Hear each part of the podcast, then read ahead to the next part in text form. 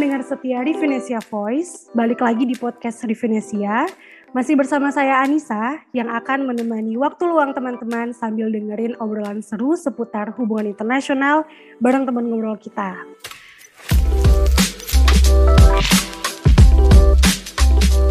Nah teman-teman, kali ini kita ada di segmen hashtag Sapa Luar Negeri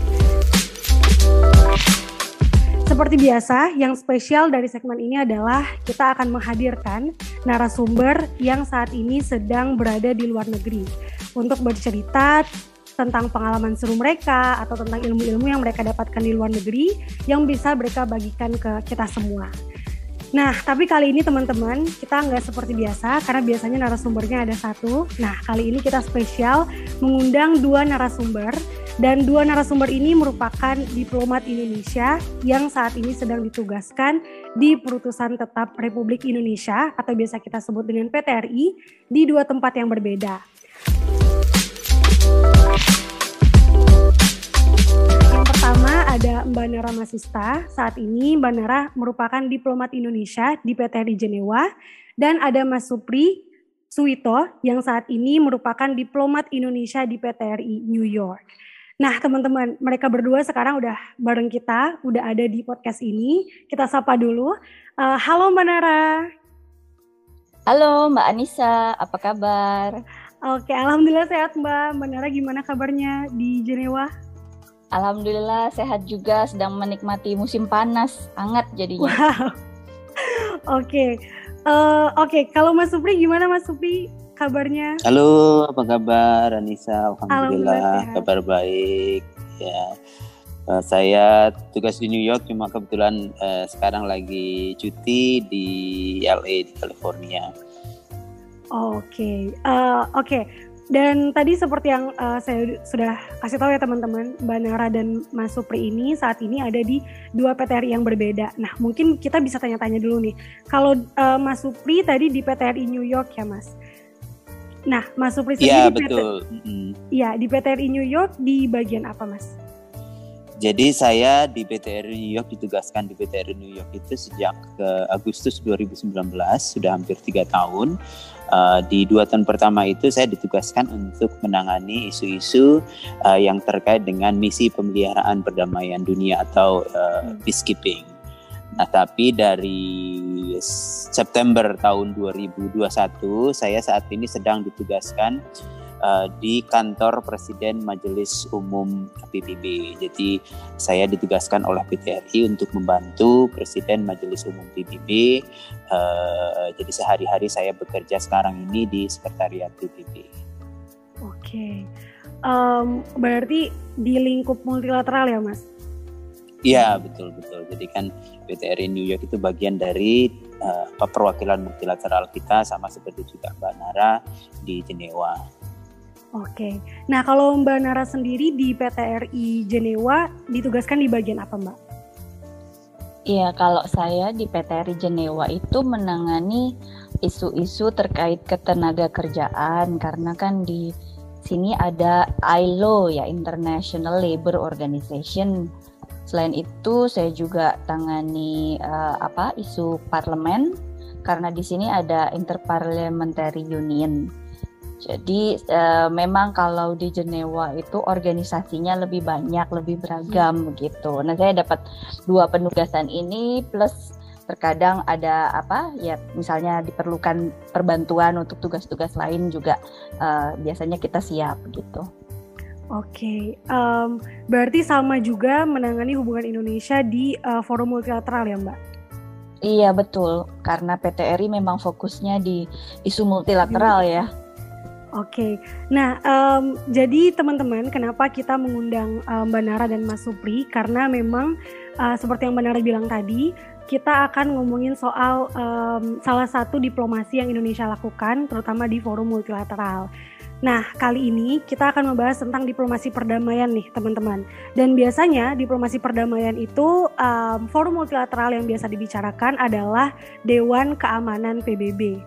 Nah, Indonesia itu pernah uh, kalau teman-teman uh, mengikuti tentang um, Kemlu gitu ya, perjalanan Kemlu, perjalanan diplomasi, Indonesia itu pernah menjadi anggota tidak tetap Dewan Keamanan PBB untuk periode tahun 2019 sampai tahun 2020.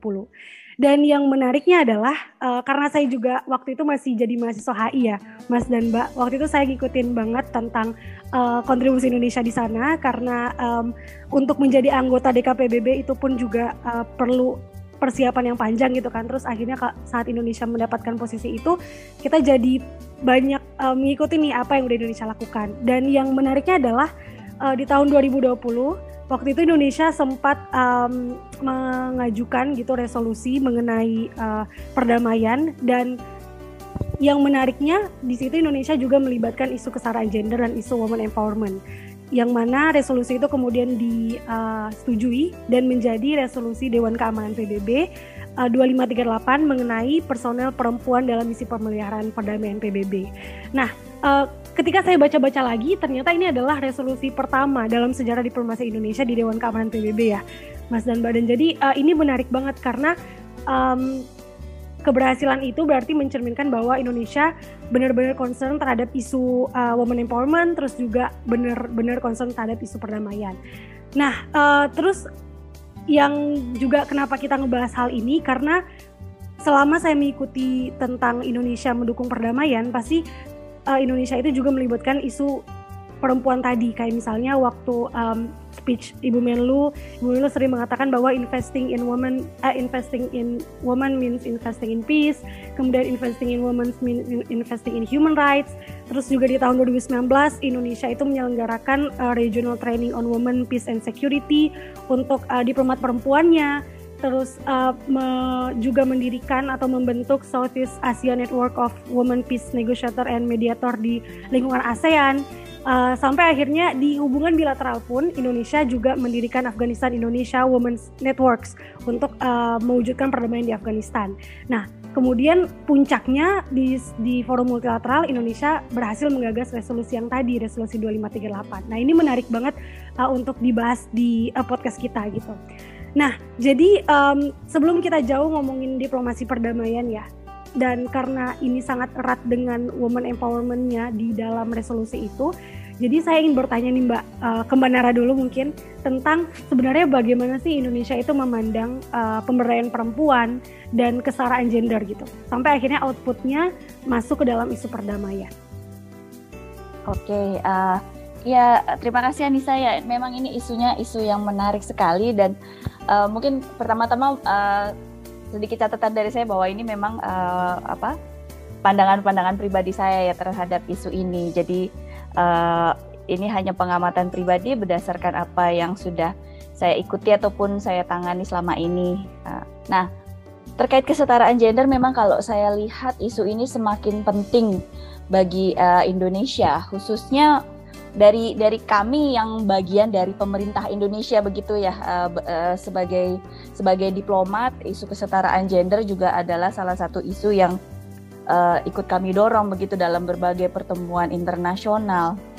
Nah, uh, di dalam negeri sendiri juga kita sudah mengembangkan berbagai uh, aturan hukum yang yang penting untuk mendorong isu kesetaraan gender di tanah air begitu kan. Kita punya kalau saya uh, pernah catat-catat itu kita punya rencana aksi nasional penghapusan kekerasan terhadap perempuan lalu ada rencana aksi nasional untuk perlindungan dan pemberdayaan perempuan dan anak-anak uh, dalam situasi konflik. Terus ada rencana aksi nasional untuk uh, pemenuhan hak reproduksi perempuan. Nah uh, pada tahun 2000 itu juga presiden pernah sudah ada instruksi presiden mengenai pengaruh utamaan gender dalam pembangunan. Jadi salah satu penerapannya adalah dalam perencanaan pembangunan Indonesia itu uh, mesti ada agenda-agenda kesetaraan gender, lalu ada penganggaran yang berbasis gender. Jadi ketika kita uh, misalnya di kementerian tuh kita harus ada tuh pelaporan, oke okay, kegiatan yang sudah menekankan isu kesetaraan gender apa saja misalnya. Nah, terus kemudian juga uh, Presiden uh, Joko Widodo juga kan merupakan salah satu champion dari He for She misalnya. He for She itu kan inisiatif uh, di PBB ya, uh, inisiatif PBB di mana isu kesetaraan gender itu bukan hanya isu perempuan tapi juga isu laki-laki sebenarnya. Jadi uh, inilah istilahnya he for she begitu. Nah sebelum itu juga sebenarnya kan Indonesia itu juga sudah meratifikasi uh, berbagai kesepakatan-kesepakatan uh, internasional uh, terkait isu perempuan seperti misalnya isu uh, CEDAW gitu. Uh, nah, terus juga kita juga uh, di dalam pengembangan agenda 2030 untuk pembangunan berkelanjutan itu kan juga ada upaya untuk mengarus utamakan isu-isu perempuan baik melalui SDG 5 yaitu hmm. Achieve Gender Equality and Empower All Women and Girls juga uh, juga untuk memainstreamkan perhatian terhadap perempuan di eh, SDG SDG lainnya. Jadi dalam berbagai uh, berbagai kerja internasional di level uh, internasional seperti di PBB multilateral itu Indonesia selalu aktif terlibat. Nah, kemudian di dalam negeri begitu kita jadi secara internasional kita kan aktif ya. Nah, di dalam negeri juga tadi selain National Action Plan uh, di tahap nasional, di Kementerian Luar Negeri juga kita punya aturan uh, aturan Menteri Luar Negeri mengenai pedoman pelaksanaan pengatur utamaan gender di lingkungan Kemlu misalnya. Jadi bagaimana kebutuhan-kebutuhan staf Kemlu perempuan yang mungkin selama ini belum tercakup kemudian juga didorong apa diterapkan dipenuhi begitu. Terus uh, di Kemlu juga ada pedoman penang, uh, pencegahan dan penang, uh, penanganan kekerasan atau pelecehan seksual misalnya kita juga sudah punya itu. Nah, uh, kembali lagi ke ke tahap nasional uh, kalau kita ikuti juga berita kan uh, April ya, April tahun ini itu kan akhirnya disahkan ya RUU tindak pidana kekerasan seksual. Jadi itu perjuangannya panjang dan akhirnya kita berhasil punya undang-undang terkait hal ini. Nah, itu dari sisi legal, kemudian dari sisi uh, implementasi di dalam uh, negeri juga kan kita uh, juga menerapkan dorongan gitu ya supaya misalnya dari anggota parlemen perempuan juga uh, ada kuota. Nah, sekarang ini kan uh, untuk anggota parlemen 2019-2024 tuh kalau tidak salah itu angkanya kita ada sekitar 20,5 persen itu parlemen perempuan gitu. Nah terus juga di kabinet, nah, di kabinet uh, Indonesia Maju sendiri menteri perempuannya itu ada enam orang itu jadi sekitar ya kurang dari 18 persen lah sekitar 17,6 persen. Nah kemudian dari dun, uh, dari dunia diplomasi Indonesia kita juga uh, punya beberapa uh, duta besar perempuan. Eh, kalau nggak salah angkanya itu sekitar 10 atau 11 persen saat ini duta besar perempuan Indonesia tersebar di seluruh negara. Dan termasuk juga misalnya di PTRI Jenewa ini deputi deputi wakil tetap PTRI Jenewa yang juga punya gelar punya rank uh, diplomatnya yaitu duta besar itu juga perempuan begitu. Kemudian kalau kita lihat juga dari dunia kerja misalnya uh, apa kita sudah ada lim, sudah sudah sudah besar ya 56% partisipasi perempuan di dunia kerja. Jadi sudah lebih dari perempuan Indonesia itu uh, berpartisipasi di dunia kerja. Nah, ini jadi terlihat progres-progresnya. Tapi ternyata kalau kita lihat angkanya di apa ya dibandingkan dengan negara lain kok ternyata kita itu uh, ranking kesetaraan gendernya tuh masih agak rendah sayangnya ya meskipun misalnya kita sudah mengupayakan berbagai hal itu. Jadi kita itu kalau uh, saya pernah cek itu dari 160 uh, 156 negara yang dicek itu kita ranking 101. Ini tahun 2021 ya, tahun lalu. Kita rankingnya 101 dari 156 negara. Meskipun kita masih masuk uh, top 10 di Asia Pasifik gitu. Jadi kalau secara kawasan uh, not bad, tapi kalau di di di internasional gitu ya di global tuh agak agak rendah gitu dan kita ini juga bahkan kalah dari eh, negara-negara di kawasan ASEAN misalnya Filipina, Singapura, Thailand, Vietnam itu angkanya masih lebih baik dari kita. Nah, uh, kalau saya lihat itu uh, banyak ya. Jadi maksudnya secara aturan hukum, secara uh, penerapan di level-level uh, apa pimpinan itu kita sudah sudah uh, sudah sudah upayakan. Tapi memang kalau secara masyarakat uh, kita kan masih ada dominasi patriarki begitu ya yang sudah uh, yang begitu mengakar di masyarakat kita. Lalu kemudian juga perempuan masih mengalami misalnya double burden. Jadi double burden ini harus bebannya dua gitu di pundak. Jadi di satu sisi mereka mulai didorong untuk uh, turut uh, turut apa ya turut uh, aktif berpartisipasi di kehidupan sosial ekonomi masyarakat, tapi kemudian beban di keluarga juga mereka masih didebab, uh, sering dibebankan sebagai sole provider uh, misalnya tugas-tugas rumah tangga. Nah ini kemudian double burden ini juga menciptakan glass ceiling di tempat kerja. Jadi uh, hambatan-hambatan untuk perempuan di tempat kerja dan semuanya ini diperparah dengan situasi pandemi. Nah, ini nih PR kita nih, Anissa. Uh, bagaimana kita sudah mau maju tapi ternyata masih banyak yang menahan laju kita, begitu. Oke, berarti um, Indonesia itu sebenarnya dalam segi kesetaraan gendernya itu udah cukup progresif gitu ya Mbak. Kayak tadi uh, secara hukum sudah didorong, kemudian juga uh, mun juga muncul banyak pergerakan-pergerakan sekarang ya mbak ya. Lebih lebih apa ya lebih banyak. Kalau kalau saya di lingkungan mahasiswa itu uh, isu kesetaraan gender itu kayak menjadi salah satu isu penting gitu yang selalu dibawa mm -hmm. yang selalu di speak up kan. Karena uh, itu deket sama sama kehidupan kita gitu. Nah um, tadi uh, Mbak Nara cerita soal uh, perempuan dan pekerjaan gitu kan, bagaimana masih ada uh, barrier-barrier itu. Nah, kalau kita ngelihat dari resolusi 2538 tadi kan Mbak, itu kan antara perdamaian atau isu isu yang uh, isu yang agak sensitif gitu kalau dalam hubungan internasional. Karena selama ini kalau kita lihat perang itu kan uh, perang itu um, biasanya orang-orang di fungsi pertahanan atau militer itu cenderung laki-laki.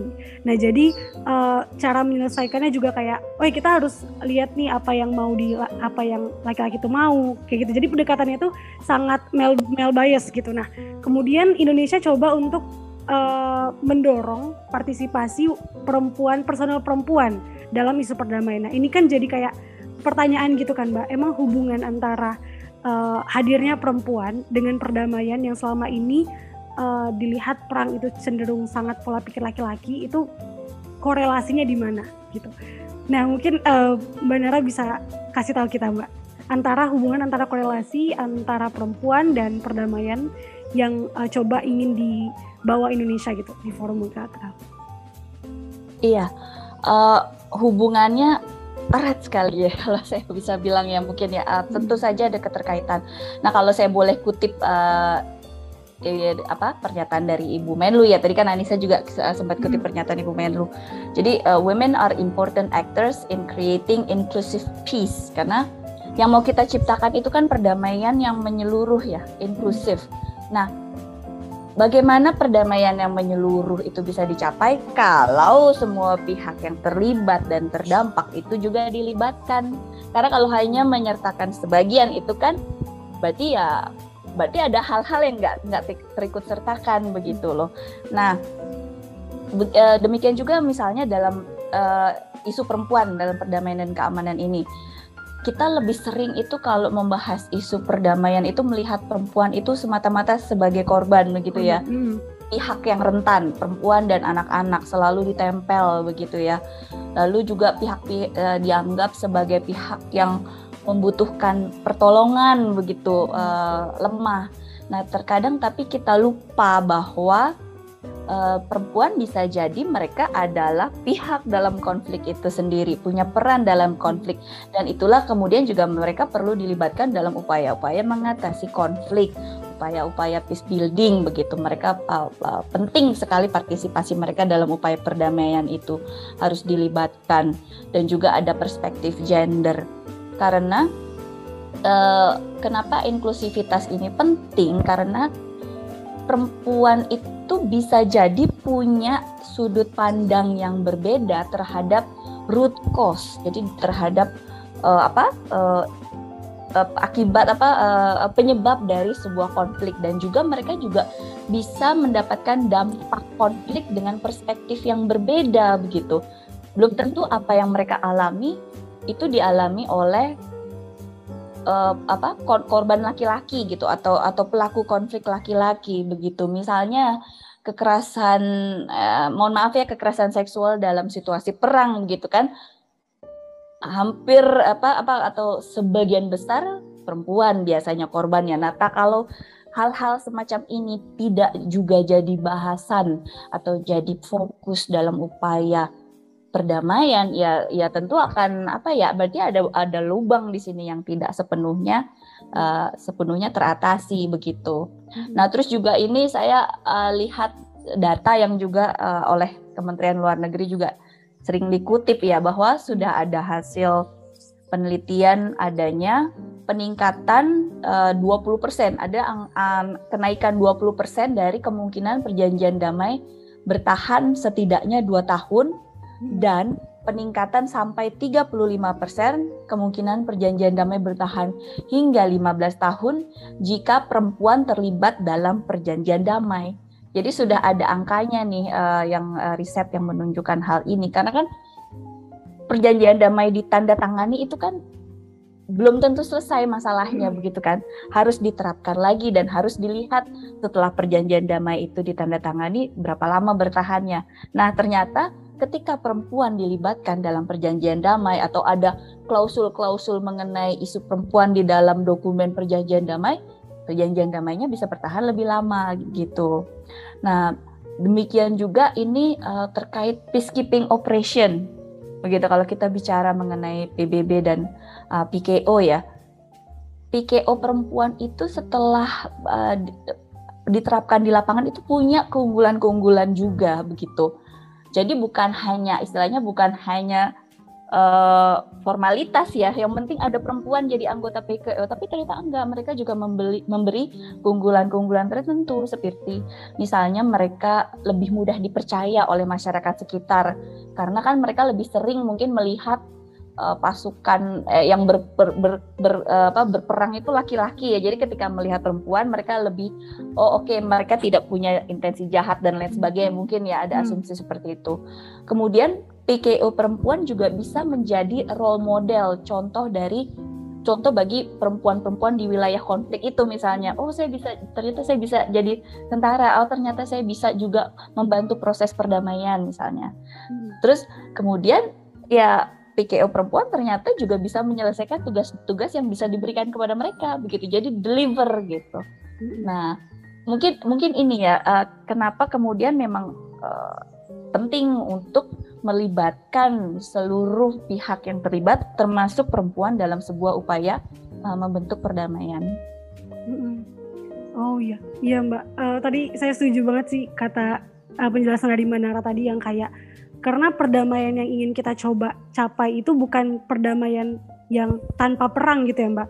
Tapi perdamaian yang memang uh, kondisinya tuh inklusif terus kita juga bisa bertumbuh gitu. Maksudnya uh, damai dalam artian uh, semua masyarakat itu mengal apa merasakan kesejahteraan nggak cuma tidak adanya perang gitu. Itu kan ada pergeseran definisi damai juga ya mbak di era yang sekarang berarti uh, kenapa penting melibatkan perempuan dan korelasinya adalah karena emang perdamaian yang ingin kita capai itu perdamaian inklusif dan kalau ngomongin soal suatu wilayah yang damai itu kan nggak mungkin eh, laki-laki uh, aja gitu pasti ada perempuannya dan kita juga perlu memikirkan hal itu. Ya setuju banget sih. Dan tadi juga um, kalau yang kayak katanya Mbak Nara soal dampak perempuan itu saya juga pernah baca jurnal gitu kan Mbak bahwa uh, ada kejadian kalau misalnya um, terjadi perang antar uh, negara gitu. Nah kemudian perempuan itu dijadikan alat untuk me, untuk menghilangkan uh, suku atau etnis tertentu karena kalau misalnya dilaku dilecehkan gitu di apa kalau kekerasan seksual kemudian dilecehkan maka keturunannya itu akan dari suku pelaku kayak gitu nah nah itu yang yang juga jadi concern karena ternyata perempuan itu tidak hanya terdampak karena eksternal gitu, tapi dijadikan alat strategi untuk bisa mengalahkan lawan. Nah, itu kan uh, itu kan kalau misalnya kita tidak melihat dari perspektif kesalahan gender, perspektif um, feminis itu bakalan uh, dilihat sebagai oh ya strategi aja gitu. Tapi kan kita nggak ngelihat dampak dari uh, apa yang dirasakan oleh setengah populasi manusia di dunia ini gitu ya yaitu adalah perempuan. Oke, nah uh, terus kita ngomongin soal diplomasi perdamaian tadi kan Mbak. Tadi Mbak Mbak Nara sempat menyinggung soal PKO juga. Nah sebenarnya uh, bagaimana sih diplomasi perdamaian yang Indonesia uh, coba ingin atau maksudnya diplomasi perdamaian Indonesia itu identitas yang seperti apa yang Indonesia pengen um, bentuk sebagai diplomasi perdamaiannya Indonesia? Iya, uh, kalau terkait identitas ya uh, Anissa kalau saya sih melihatnya kita kembali saja ke apa uh, poros apa politik uh, luar negeri kita yaitu bebas aktif ya uh, dan bahwa memang itu amanat uh, pembukaan undang-undang bahwa kita tuh harus aktif menjalankan apa, apa mewujudkan perdamaian dunia begitu. Jadi memang dalam berbagai kesempatan itu kita berupaya memberikan solusi gitu. Kita jadi bagian dari solusi permasalahan atau juga ketika kita misalnya punya kesempatan kita jadi bridge builder gitu menjembatani uh, konflik yang terjadi. Nah, ini memang kalau kita lihat contoh-contohnya misalnya ini tadi di, di kita kembali ke PKO misalnya itu Indonesia itu juga aktif menyediakan pasukan penjaga perdamaian. Jadi Indonesia itu ranking 8 besar dari seluruh negara anggota PBB yang menyediakan uh, itu pasukan penjaga perdamaian termasuk juga uh, petugas pendukung lainnya. Nah, dari situ tuh Indonesia itu 44,5 persennya itu adalah perempuan yang ditugaskan di pasukan penjaga perdamaian itu. Jadi ada sekitar uh, 100 uh, lebih dari 100 orang perempuan yang ditugaskan sebagai uh, pasukan PKO Indonesia. Ini angkanya uh, lumayan ya meskipun kita uh, memang uh, ingin terus mendorong juga supaya bertambah gitu ada target uh, dari uh, target global supaya perempuan tuh bisa minimal 9% begitu. Jadi kita masih uh, uh, perlu menambahkan sedikit lagi. Nah, kemudian juga uh, ini tadi inisiasi dari uh, Security Council Resolution tadi UNSC Resolution 2538 pada masa Indonesia menjadi anggota tidak uh, tetap uh, Dewan Keamanan PBB. Nah nanti mungkin uh, apa Mas Supri juga bisa cerita lebih lanjut mengenai uh, proses menuju disepakatinya uh, resolusi ini.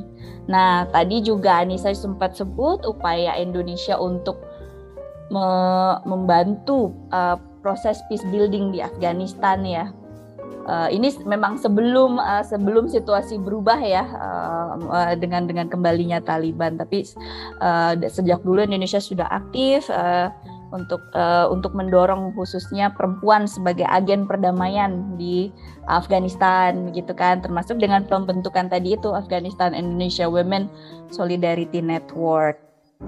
Nah, kemudian juga uh, Anissa tadi juga sudah sebut di ta, di di level regional kita juga aktif di ASEAN gitu kan mengadakan pelatihan uh, mediasi untuk para diplomat perempuan dan lalu kemudian juga membentuk Southeast Asian Network of Women uh, Peace Negotiators and Mediators begitu itu di kawasan uh, regional. Nah kemudian kalau di Jenewa ini juga. Kan kita ada isu uh, conference on disarmament. Jadi kita juga men mendorong upaya-upaya pelucutan senjata nuklir. Nah kita itu Indonesia itu adalah koordinator dari subsidiary body yang berfokus kepada uh, negative security assurances. Nah, negative security assurances itu adalah semacam jaminan bahwa negara-negara yang masih punya senjata nuklir ini tidak mengancam uh, untuk menggunakan atau menggunakan senjata nuklirnya khususnya kepada negara-negara yang tidak punya senjata nuklir begitu. Jadi itu kita push ya karena kita juga kan uh, kita juga non uh, senjata nuklir ya Indonesia.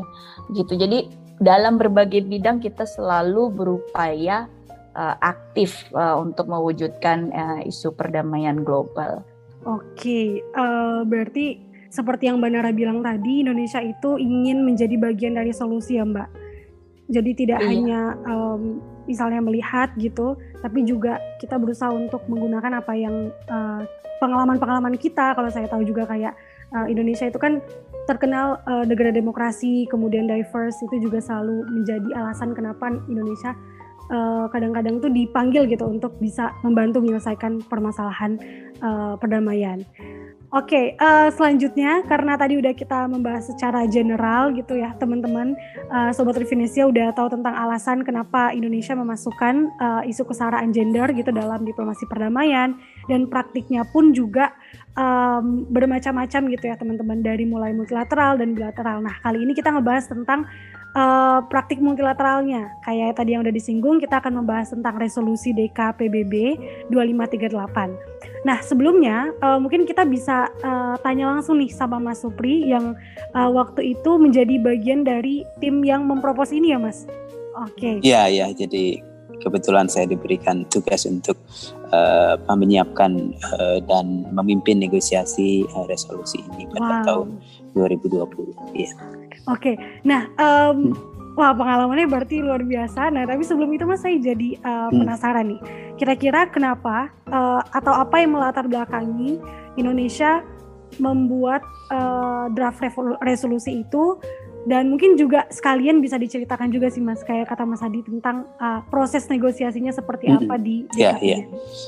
Ya, ya terima kasih uh, Anissa dan tadi juga sudah uh, dijelaskan sama Mbak Nara bagaimana uh, pentingnya uh, aspek kesetaraan gender menjadi bagian dari uh, politik luar negeri diplomasi kita. Kita juga Indonesia konsisten dalam uh, memperjuangkan isu-isu gender dalam uh, apa langkah diplomasinya di berbagai forum, uh, termasuk diplomasi perdamaian dalam uh, konteks uh, PBB. Nah, seperti juga tadi sudah disinggung sama Mbak Nara, jadi uh, kita kan konteksnya uh, tahun 2019 2020 kita menjadi anggota Dewan Keamanan PBB. Jadi di situ kita uh, apa menempati posisi yang sangat penting, yang sangat strategis untuk memainkan peran yang lebih besar uh, dalam isu-isu uh, yang terkait dengan perdamaian. Nah, uh, apa kita track record salah satu track record kita dalam isu perdamaian yang uh, sudah sangat uh, apa lama dan uh, apa di di sangat di, dihormati oleh berbagai negara di dunia adalah uh, partisipasi kita dalam misi pemeliharaan perdamaian PBB. Kita sudah aktif mengirimkan pasukan perdamaian itu sejak tahun 1957. Yang pertama misi di di Sinai di Mesir. Nah, sejak saat itu kita secara konsisten terus uh, apa uh, berpartisipasi, berpartisipasi dalam misi pemeliharaan perdamaian PBB uh, sampai sekarang lebih dari uh, 50 ribu uh, personel uh, pasukan kita yang sudah uh, kita kirimkan dari uh, tahun 57 sampai sekarang di berbagai tempat. Apakah itu misalnya di Libanon kemudian uh, di Afrika Tengah, kemudian uh, misalnya di uh, Republik Demokratik Kongo, uh, kemudian juga di Mali, di, di uh, sekarang ini paling nggak terdapat uh, delapan uh, misi perdamaian perdamaian dunia yang Indonesia uh, mengirimkan pasukannya di situ. Nah, jadi memang kita punya uh, track record yang sudah lama terkait dengan uh, partisipasi dalam misi pemeliharaan perdamaian uh, PBB. Nah, Uh, dalam konteks itu kemudian uh, ketika kita menjadi anggota DOK PBB isu uh, terkait partisipasi Indonesia dalam misi pemeliharaan perdamaian PBB menjadi salah satu prioritas kita. Jadi uh, kita ingin berkontribusi lebih uh, besar lagi uh, ketika kita menjadi uh, negara anggota Dewan Keamanan PBB. Nah, eh, apa salah satu wujud konkretnya adalah dengan kita eh, mengajukan resolusi eh, mengenai peran eh, perempuan, mengenai partisipasi perempuan, personel perempuan dalam misi pembelajaran perdamaian PBB. Ini sekali lagi juga terkait dengan track record kita yang sangat konsisten uh, dalam melibatkan uh, apa perempuan personel perempuan dalam misi pembelajaran perdamaian PBB uh, apa sejak uh, paling enggak uh, awal tahun 2000 2000 2010 ke, ke atas kita selalu uh, apa secara konsisten melibatkan mengirimkan personel perempuan dengan jumlah yang uh, dari tahun ke tahun uh, selalu meningkat. Pada tahun 2020 itu kita sudah mencapai sekitar 150 lebih dari personel perempuan. Itu merupakan jumlah yang uh, cukup signifikan uh, dan kita menjadi salah satu uh, pengirim uh, kontributor personel perempuan uh, terbesar juga dalam uh, negara-negara yang juga mengirim uh, pasukan perdamaian dunia. Kita secara total peringkat ke-8 sebagai negara kontributor pasukan uh, dan uh, dalam konteks kontribusi personel perempuan kita juga menjadi uh, salah satu yang terbesar uh, yang mengirim. Jadi tahun 2019 2020 Anissa dan teman-teman seperti uh, diketahui kita itu menjadi anggota Dewan Keamanan PBB, anggota tidak tetap Dewan Keamanan PBB. Itu adalah kesempatan yang sangat uh, penting untuk kita uh, bisa uh, berperan lebih besar dalam memajukan isu-isu perdamaian. Nah, uh, dalam keanggotaan kita itu salah satu prioritas kita adalah dalam isu misi pemeliharaan perdamaian PBB atau uh, apa UN Peacekeeping. Ini karena kita memang memiliki track record memiliki rekam jejak yang sangat panjang, yang sangat uh, kuat uh, dalam uh, isu peacekeeping ini. Kita sudah uh, berkontribusi pasukan itu sejak tahun 1957 dan sampai sekarang sudah lebih dari 50 uh, personel atau pasukan kita yang sudah uh, apa ya, berperan dalam uh, menjaga perdamaian dunia di berbagai wilayah konflik. Uh, sekarang ini uh, lebih dari 2000 sekitar 2800 dari personel kita yang tersebar di uh, banyak misi antara lain di Kongo, di, di Lebanon, kemudian di Afrika Tengah, di Mali dan beberapa uh, daerah konflik lainnya. Uh, nah, uh, tahun 2020 itu dalam konteks presidensi Indonesia itu kita kemudian uh, memajukan uh, isu uh, peacekeeping sebagai salah satu uh, prioritas atau isu utama dalam presidensi kita di Dewan Keamanan PBB. Uh, apa dan isu yang kita apa, fokuskan adalah uh, peran perempuan, personel perempuan dalam uh, misi peacekeeping. Ini lagi-lagi juga terkait satu uh, apa dalam konteks uh, UN sendiri memang uh, apa terdapat komitmen terdapat uh, apa ya uh, upaya yang keras untuk terus meningkatkan uh, personel perempuan uh, dalam misi PBB. Tadi seperti yang juga sudah disinggung oleh PBB uh, Mbak Nara uh, apa personel perempuan dalam misi pemeliharaan PBB itu terbukti memiliki kontribusi yang sangat signifikan uh, dalam uh, apa, me, apa meningkatkan kemampuan untuk ke apa menyelesaikan konflik, kemudian uh, menciptakan uh, apa suasana yang lebih kondusif untuk perdamaian, kemudian juga uh, apa dalam melakukan engagement dengan masyarakat. Jadi memang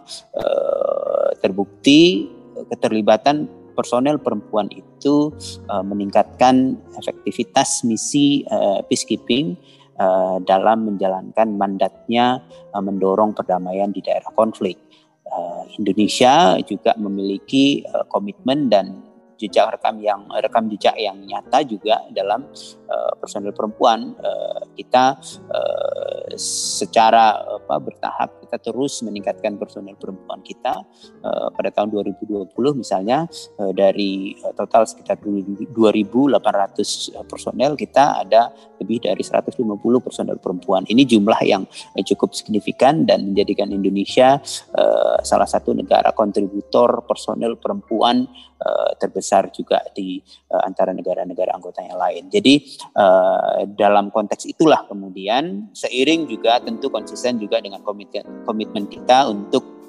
uh, apa uh, mengarus utamakan gender, mendorong pemajuan uh, apa perempuan dalam isu perdamaian. Jadi uh, pada tahun itu kemudian kita uh, apa, mengambil inisiatif untuk mengajukan resolusi uh, Dewan Keamanan PBB tentang personel perempuan dalam misi perdamaian uh, apa PBB. Nah, uh, itu juga resolusi itu menjadi resolusi pertama bukan saja dalam konteks yang uh, Indonesia majukan, tapi juga dalam konteks di PBB sendiri. Belum ada resolusi uh, PBB sebelumnya, resolusi DKPBB sebelumnya yang secara khusus uh, apa membahas atau memfokuskan pada isu pemeliharaan perdamaian dunia. Jadi resolusi ini uh, apa uh, cukup bersejarah karena ini merupakan inisiatif Indonesia pertama tapi juga uh, merupakan resolusi PBB pertama. Jadi prosesnya sendiri ketika kemudian uh, kita uh, memutuskan uh, untuk uh, mengajukan uh, resolusi, resolusi ini. Kemudian saya diberikan uh, tugas oleh uh, apa pimpinan di PTRI New York kemudian dari juga dari Jakarta untuk uh, me, apa memulai prosesnya apa kita menyusun konsep uh, perundingannya konsep resolusinya tentu juga dengan berpegang pada uh, apa kepentingan kita posisi-posisi nasional kita kemudian juga berdialog dengan negara-negara uh, apa pengirim pasukan lainnya kemudian berdialog dengan uh, apa dengan uh, apa negara-negara anggota DK yang lain, kemudian juga dengan expert, dengan uh, think tank, kemudian juga tentu dengan uh, stakeholders kita di di dalam negeri juga untuk mendapatkan masukan, mendapatkan uh, apa uh, gagasan apa yang perlu kita uh, masukkan dalam resolusi itu. Nah, kemudian uh, bergulirlah prosesnya dari mulai konsepnya, kemudian kita sebut zero draftnya, sampai kemudian proses negosiasi saya diberikan tugas diberikan kepercayaan untuk uh, apa dari mulai menyusun kemudian me memimpin negosiasi uh, dengan negara-negara 15 negara anggota di KPBB lainnya.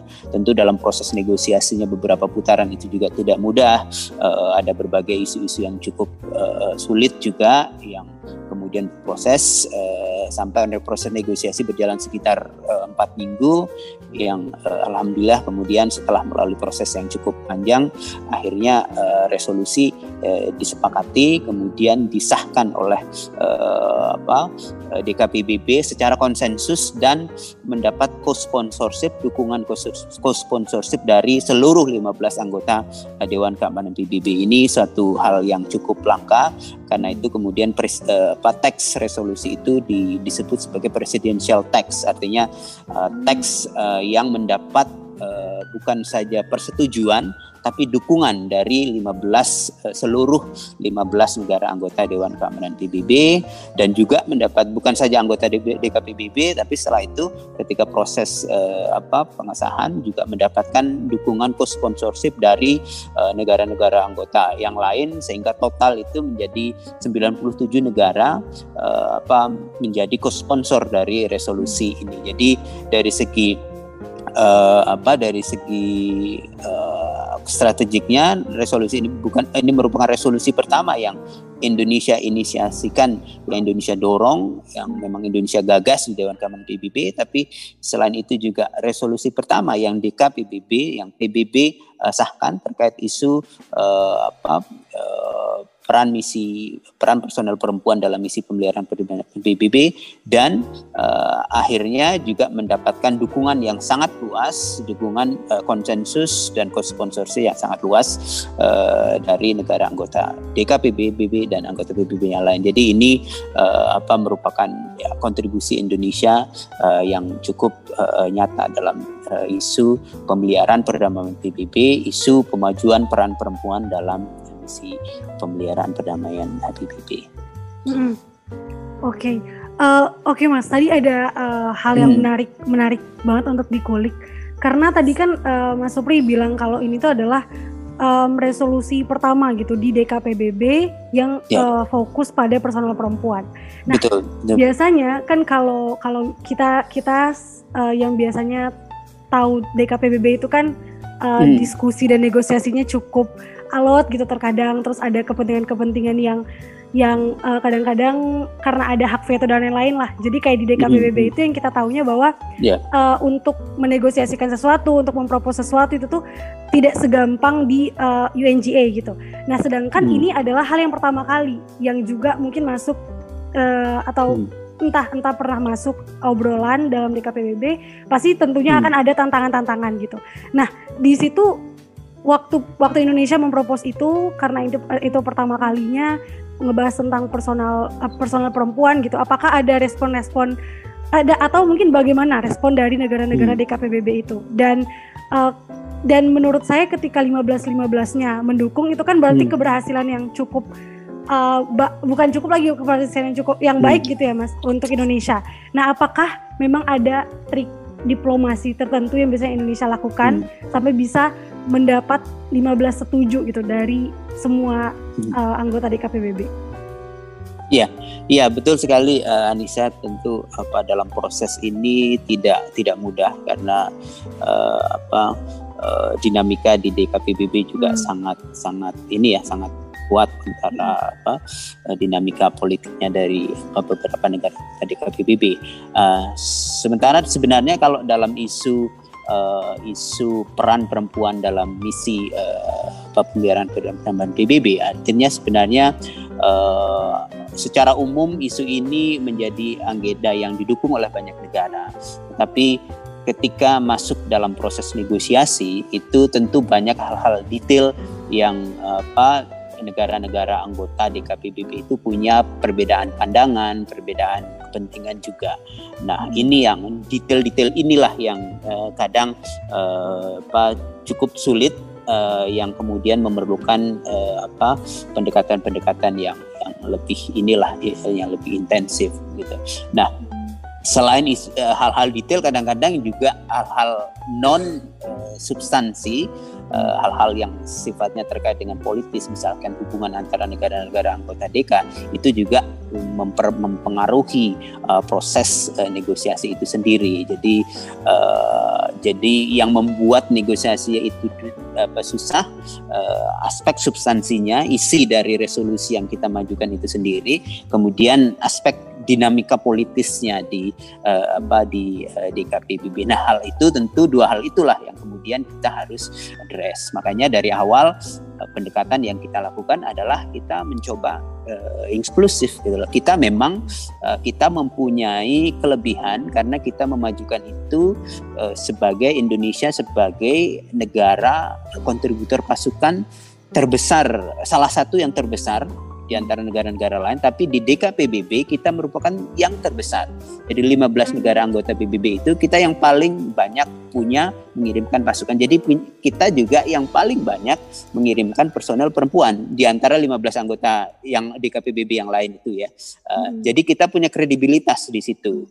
Jadi kita nggak sekedar asal ngomong lah look Indonesia kita punya ini rekamnya lihat berapa yang kita kirim berapa upaya kita gitu kan jadi kita punya kredibilitas itu Nah, uh, maka yang kita lakukan dari awal adalah kita komunikasikan dengan eh, negara-negara anggota DKPBB tentu uh, apa dengan negara-negara anggota tetapnya, kemudian tidak tetapnya, negara-negara yang lain yang uh, istilahnya punya kepentingan yang sama, kemudian juga negara-negara yang mungkin punya uh, apa perhatian-perhatian khusus. Jadi dari awal memang uh, kita pendekatannya sebelum kita mengajukan resolusi kita kan menyusun dulu tuh apa hmm. konsep uh, papernya, zero draftnya. Tapi sebelum itu kita uh, secara informal dekati dulu dengan teman-teman anggota uh, DKPBB. Oh kita ini Indonesia uh, apa berencana mengajukan resolusi. Bagaimana apa tanggapan uh, apa uh, apa uh, apa negara anda dalam isu ini. Kita kita dengarkan concern mereka. Satu-satu kita dengarkan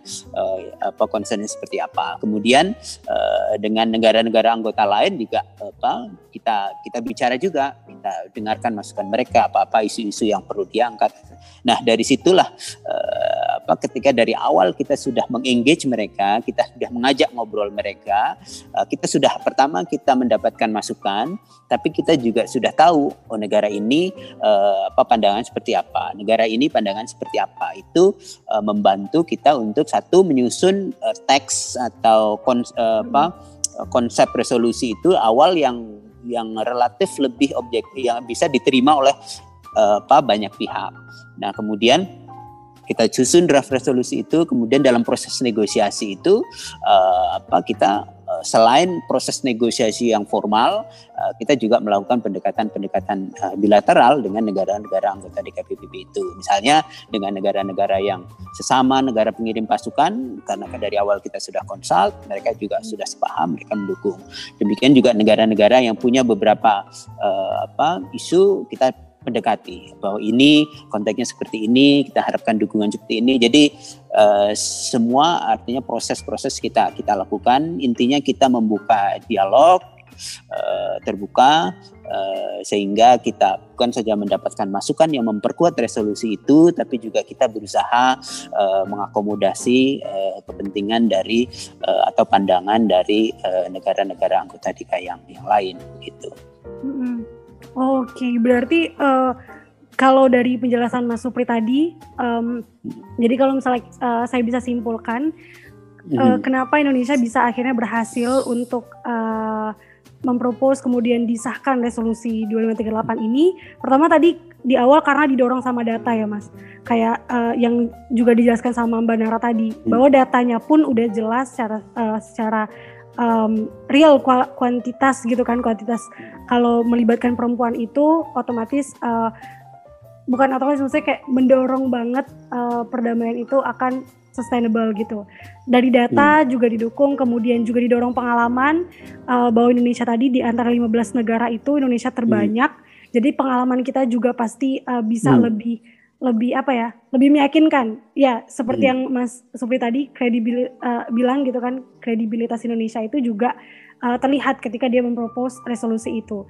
Dan tadi yang juga menurut saya menarik adalah ketika dari mulai menyusun draft pun kita uh, mendengarkan tanggapan dari negara lain. Terus kita juga paham bahwa oh ini nggak cuma kita yang merasakan manfaatnya, tapi ada negara-negara lain juga yang mm -hmm. juga mengirimkan mhm. personal perempuan, mereka juga merasakan pengalaman yang sama, uh, dampak yang sama gitu. Kalau melibatkan perempuan, akhirnya dicoba untuk um, uh, minta dukungan gitu ya mas dari mereka, dan yeah. akhirnya uh, tanggapan, kemudian ada dukungan itu membuat draft yang kita, yang Indonesia ajukan itu jadi draft yang uh, mengakomodasi negara-negara uh, pendapat dari negara DK, DKPBB itu. Jadi inklusif gitu pandangan tentang personal perempuannya. Dan akhirnya uh, setelah draftnya selesai, kemudian dilakukan pendekatan juga. Jadi uh, yang yang uh, menjadi apa ya? Menjadi pengetahuan baru bagi saya bahwa ternyata untuk meng, untuk menggolkan sebuah draft hingga menjadi resolusi itu proses melibatkan negara-negara lain karena kita bicara kepentingan tadi penting hmm. banget ya Mas. Sampai yeah. sampai akhirnya uh, setelah itu kita melakukan pendekatan bilateral pun uh, masih diperlukan gitu. Ketika kita udah mendengarkan dan memasukkan mengakomodasi tanggapan mereka dalam draft kita. Uh, ya, ya, ya betul sekali. Jadi intinya gini apa nih saya untuk uh, apa resolusi itu ada dua hal. Satu aspek kontennya, aspek isinya, kemudian juga uh, terkait dengan aspek prosesnya gitu loh. Jadi uh, terkait dengan isi ya apa isi resolusi nanti kita bahas lebih lanjut itu uh, apa penting sekali. Artinya itu harus juga merefleksikan kepentingan nasional kita tapi juga uh, apa juga mengakomodasi kepentingan negara-negara yang lain sehingga mendapat dukungan. Dan kemudian yang kedua prosesnya gitu loh. Jadi uh, kita melakukan proses yang konsultatif yang inklusif uh, sehingga uh, apa negara-negara anggota di KPBB itu uh, bisa mendukung uh, resolusi itu. Kemudian selain itu juga negara-negara anggota uh, yang lain. Jadi fakta bahwa resolusi itu didukung secara konsensus bukan saja oleh negara-negara DK lebih dari uh, 80 negara anggota DK yang lain, eh, anggota PBB yang lain itu menunjukkan bahwa secara isi secara konten resolusi itu uh, dianggap mula, memiliki nilai lebih yang yang kuat. Uh, yang kemudian yang kedua karena juga uh, rekam jejak Indonesia yang memang konsisten dan juga uh, bagaimana pendekatan kita uh, proses kita dari awal uh, menyusun resolusi itu kita lakukan secara uh, partisipatif, secara inklusif melibatkan negara-negara yang lain. Hmm. Oke, okay, berarti uh, um, poin-poin dalam uh, resolusi DKPBB 2538 itu juga uh, sebenarnya juga menyuarakan kepentingan atau aspirasi atau pandangan terhadap personel perempuan dari banyak negara gitu ya Mas. Nah mungkin yeah, uh, yeah. teman-teman sobat Revinisa ini jadi penasaran gitu Mas. Jadi sebenarnya isi dari resolusi DKPBB 2538 itu uh, tentang apa dan poin-poin penting yang coba di uh, highlight gitu dalam DKPBB 2538 itu apa aja Mas? Ya, ya jadi secara isi sebenarnya ada paling tidak tiga atau empat ya pokok dari uh, resolusi itu. Teman-teman nanti kalau sempat mungkin bisa apa uh, lihat teksnya, tapi paling enggak isu utama yang di uh, highlight yang menjadi fokus ada tiga atau empat ya. Yang pertama adalah uh, bagaimana meningkatkan. Jadi resolusi ini mendorong negara-negara anggota PBB untuk meningkatkan jumlah personel perempuan dalam uh, misi pemeliharaan perdamaian PBB. Jadi ini terkait dengan jumlah gitu ya. Uh, karena memang tadi juga disinggung oleh Mbak Nara uh, jumlah uh, apa personel perempuan itu uh, belum uh, begitu banyak. Jadi uh, apa tahun 2020 itu misalnya dari uh, sekitar uh, 90 ribu uh, apa personel itu baru sekitar uh, lima ribuan, uh, lima ribu delapan ratus hampir enam ribu uh, apa personel perempuan. Jadi masih uh, di bawah uh, masih bersekitar sekitar tujuh persen. Sementara target yang dicanangkan PBB itu tahun 2028 itu adalah 30 persen.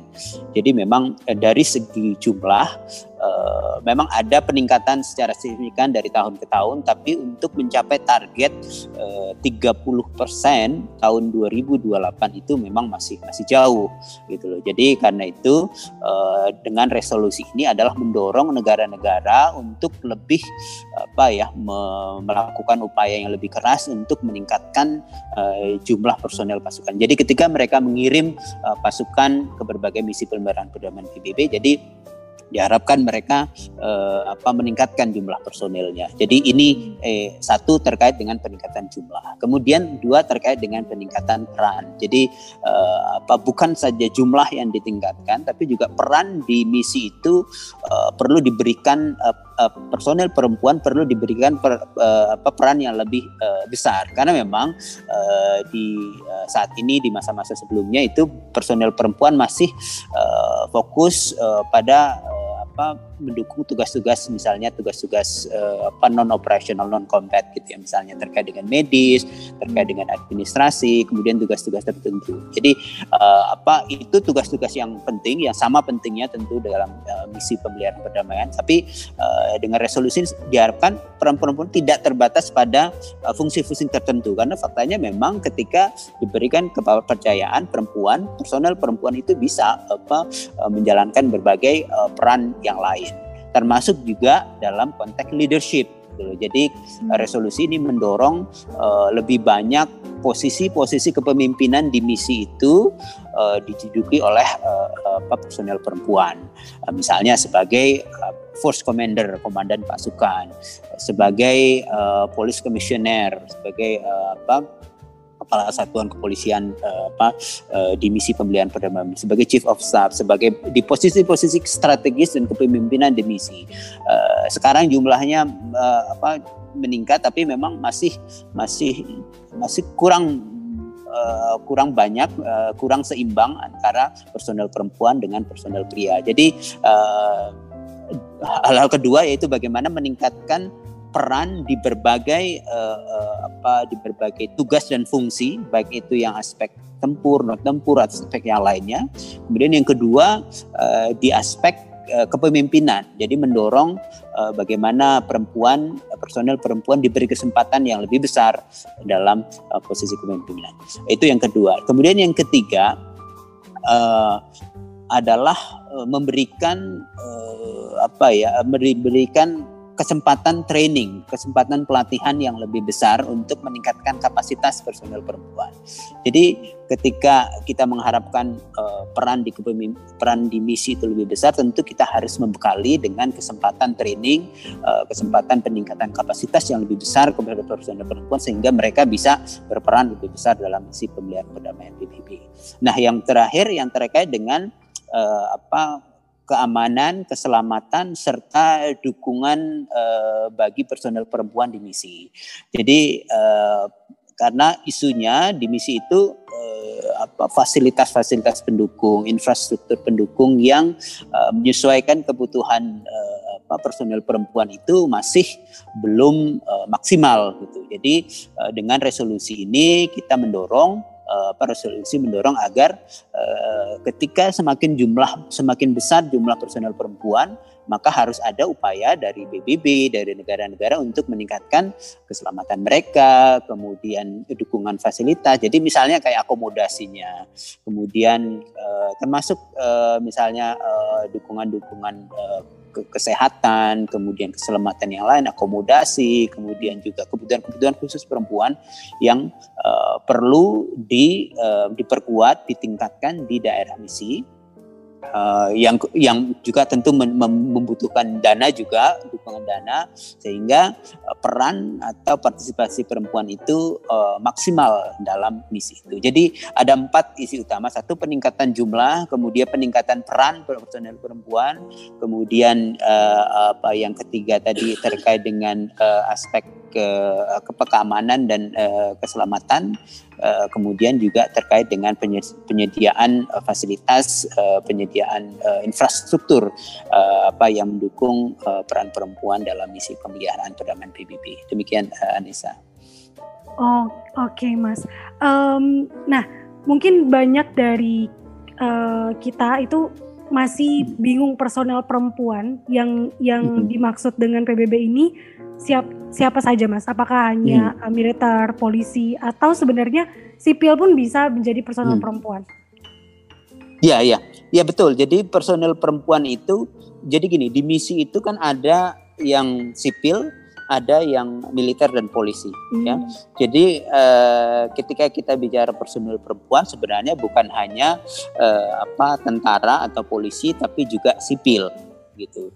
Eh, apa Uh, tapi memang dalam konteks uh, apa secara umum kalau kita bicara peacekeeper kadang-kadang uh, fokusnya sepertinya hanya uh, ke aspek uh, militer sama polisi. Tapi sebenarnya kita bicara resolusi ini uh, secara umum. Jadi personil uh, apa perempuan dalam misi pemeliharaan perdamaian PBB itu yang mencakup uh, tentara, kemudian polisi, kemudian juga uh, apa sipil sipil itu ya bisa macam-macam ada yang uh, analis politik kemudian mediator kemudian expert dalam bidang pemilu dalam bidang ham dalam bidang uh, apa dalam bidang misalnya kemanusiaan dan hal-hal yang lain. Hmm, Oke, okay. berarti personal perempuan itu uh, personal perempuan itu tidak hanya uh, dari segi militer ya, Mas, tapi kita ya. sipil yeah. pun juga bisa berpartisipasi di misi pemeliharaan perdamaian itu. Nah, um, ini jadi jadi menarik gitu mas kan kalau misalnya ada kita melihat mungkin kalau kalau sipil itu bisa uh, berkontribusi tadi kayak misalnya dari akademisi pun berarti bisa ya mas hmm. masuk menjadi uh, hmm. membantu terus uh, praktisi mediator negosiator gitu nah kalau kalau dari uh, militer sendiri berarti kan kita juga perlu um, perubahan dari uh, internal kita yang memilih militer internal Indonesia yang uh, dari seleksi militernya gimana hmm. mereka mendorong perempuan juga lebih banyak masuk ke pasukan uh, tentara kita gitu kan supaya kita bisa kirim ke luar negeri gitu. Nah itu apakah juga di uh, menjadi concern gitu dalam resolusi ini? Gimana uh, militer di dalam negeri itu juga perlu uh, mendorong perempuan buat jadi pasukan militernya?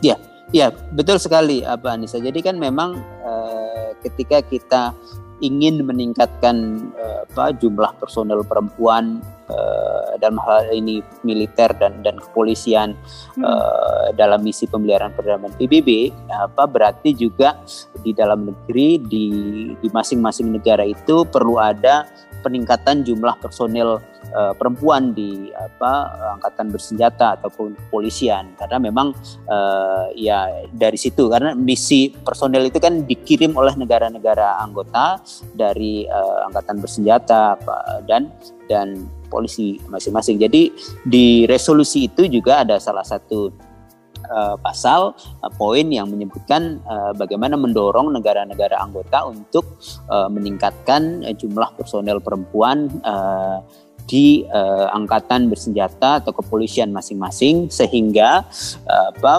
uh, apa ya membuat meningkatkan kemampuan kapasitas mereka untuk mengirim dalam misi pemberian perdamaian PBB. Jadi eh, apa isu tersebut juga menjadi salah satu yang di di apa dibahas dalam resolusi itu. Jadi uh, walaupun tentu setiap negara punya kebijakan punya pertimbangan masing-masing, uh, tetapi uh, dalam resolusi itu juga ditekankan pentingnya upaya-upaya di tingkat nasional untuk meningkatkan uh, apa jumlah personel perempuan uh, di uh, angkatan bersenjata atau kepolisian masing-masing untuk kemudian uh, berpartisipasi di negara-negara uh, di uh, misi perdamaian uh, uh, PBB di, di berbagai seluruh dunia. Ini juga uh, apa hal yang menjadi istilahnya concern dari banyak negara, bukan hanya negara-negara pengirim pasukan, tapi juga negara-negara uh, misalnya financial contributor, kontributor finansial yang yang juga uh, apa uh, berusaha untuk meningkatkan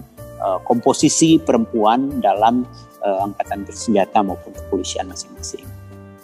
Hmm, Oke, okay. berarti uh, setelah dikeluarkannya resolusi uh, DKPBB 2538 ini, bentuk implementasinya tidak hanya dari Kemlu, tidak hanya dari uh, hmm. dari uh, segi internasional aja gitu ya, Mas. Tapi kita juga uh, membawa itu, membawa resolusi itu ke domestik, ke dalam negeri maksudnya. Terus jadi uh, semua pihak itu juga concern tadi kayak financial juga dapat support. Jadi akhirnya hmm. kemudian uh, dan yang mungkin yang saya uh, jadi paham adalah bahwa kita tuh sipil ternyata bisa juga gitu kan. Mungkin akan banyak setelah ini akan banyak uh, jalan untuk kita bisa masuk jadi bagian misi uh, pemeliharaan perdamaian gitu setelah adanya resolusi ini.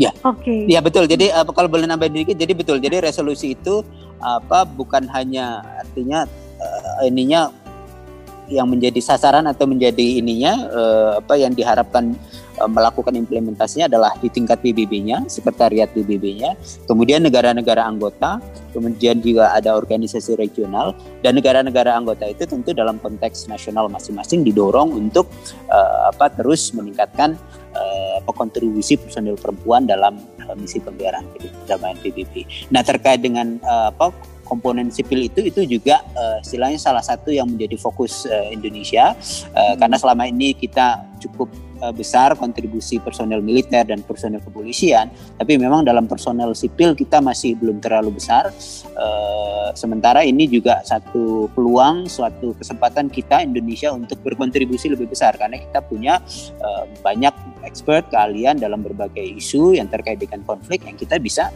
kontribusikan. Jadi uh, apa kita bisa berperan lebih besar lagi dalam uh, apa diplomasi perdamaian melalui uh, keahlian, ekspertis dari personel-personel uh, perempuan uh, kita. Ya, oke. Okay. Uh, thank you banget Mas Supri tadi penjelasannya dan Banara juga. Jadi uh, apa ya kesimpulan dan mungkin inspirasi yang bisa kita dapatkan dari obrolan hari ini adalah bahwa ternyata uh, upaya diplomasi perdamaian Indonesia itu um, tidak dari awal tidak hanya di awalnya saja kayak gitu melibatkan uh, banyak pihak tapi setelahnya diharapkan juga bahkan kita uh, sipil itu bisa berpartisipasi dalam perdamaian gitu dan itu disuarakan dan akhirnya uh, ada hasilnya ada keberhasilannya dengan munculnya resolusi DK PBB 2538 ini. Oke, okay. nggak uh, kerasa Bang Supri dan Banara kita udah ngobrol cukup lama uh, tentang diplomasi perdamaian Indonesia ini dan uh, kita sudah berada di akhir sesi obrolan kita. Mungkin uh, saya mau kasih kesempatan ke Mas Supri dan Banara kurang lebih satu menit masing-masing untuk uh, menyampaikan mungkin uh, harapan atau pesan-pesan untuk um, pendengar Rivinesia tentang perdamaian yang yang dari tadi kita obrolkan dan untuk mungkin ajakan untuk kita bisa berpartisipasi juga dalam diplomasi perdamaian ini. Mungkin dari Mbak Nara dulu boleh, silahkan Mbak.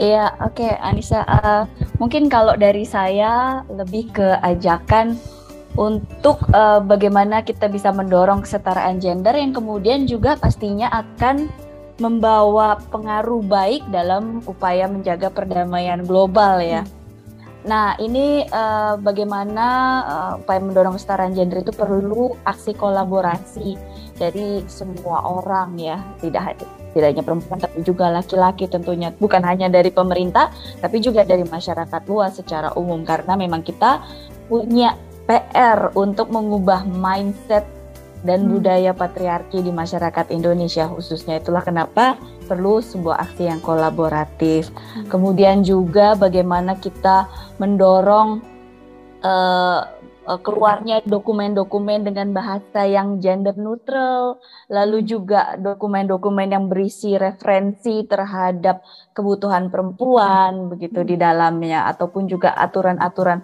hukum yang lebih pro uh, untuk perempuan juga. Nah, uh, jadi ajakan saya adalah mari kita terutama mungkin generasi yang lebih muda juga untuk meneruskan agenda yang sudah uh, di, di, dimulai oleh generasi pendahulu kita dalam hal uh, kesetaraan gender dan juga memajukan perdamaian uh, dunia oleh Indonesia. Gitu. Kalau dari saya itu aja sih. Ya, terima kasih banyak Mbak Nara. Uh, dari Mas Supri, silakan Mas. Uh, ya kalau dari saya mungkin gini, apa uh, misi pemeliharaan perdamaian itu salah satu bentuk wujud konkret ya uh, kontribusi Indonesia bagi dunia dan uh, di situ kita juga membuktikan bahwa personel perempuan itu punya kemampuan, punya peran untuk uh, apa terlibat aktif dalam misi pemeliharaan perdamaian PBB. Kita banyak personel pertemuan uh, apa Indonesia yang saya juga ketemu di beberapa misi yang mereka benar-benar uh, memiliki uh, kontribusi yang yang sangat besar dalam uh, tugas-tugasnya di misi. Jadi ini menunjukkan bahwa perempuan-perempuan uh, Indonesia pun memiliki kapasitas, memiliki kemampuan yang luar biasa untuk berkontribusi secara nyata bagi misi pemeliharaan perdamaian dunia. Nah, ini juga tentu tadi juga disebutkan tidak hanya terbatas pada personel kepolisian atau personel militer, tapi juga eh, apa kalangan sipil. Nah, ini juga menjadi kesempatan buat teman-teman generasi muda, eh, termasuk juga teman-teman eh, apa perempuan untuk eh, bisa eh, ya apa berkontribusi untuk bisa aktif eh, apa Uh, melihat ini sebagai kesempatan kita berkontribusi. Jadi ini kesempatan buat teman-teman uh, untuk uh, nanti misalkan menjalani karir atau misalnya uh, apa berkiprah itu dalam aspek-aspek uh, perdamaian dalam isu-isu perdamaian uh, berkontribusi uh, untuk menciptakan dunia yang lebih damai. Jadi uh, saya rasa ini uh, akan menjadi bukti atau kontribusi uh, perempuan uh, Indonesia apakah itu uh, sipil, apakah itu militer atau apakah itu kepolisian untuk uh, berkontribusi uh, bagi perdamaian dan saya yakin uh, kita bisa itu. Demikian uh, Anissa. Baik, uh, terima kasih banyak. Terima kasih banyak Mas Supri, terima kasih banyak Mbak Nara atas waktunya, atas kesempatannya untuk berbagi ilmu dan pengalaman dan saya harap saya, saya dan sobat Revinesia itu jadi semakin tahu dan semakin uh, paham tentang yang uh, tentang isu perdamaian yang kita bicarakan tadi dan semoga seperti harapan Mas Sufi dan Banara kita bisa sama-sama kontribusi dengan cara kita dengan uh, keahlian kita masing-masing. Oke, okay, thank you so much Manara dan Mas Supri dan terima kasih banyak teman-teman Sobat Revinesia yang sudah mendengarkan. Sampai jumpa di segmen hashtag Sapa Luar Negeri selanjutnya. Terima kasih. Terima kasih Anissa. Terima kasih.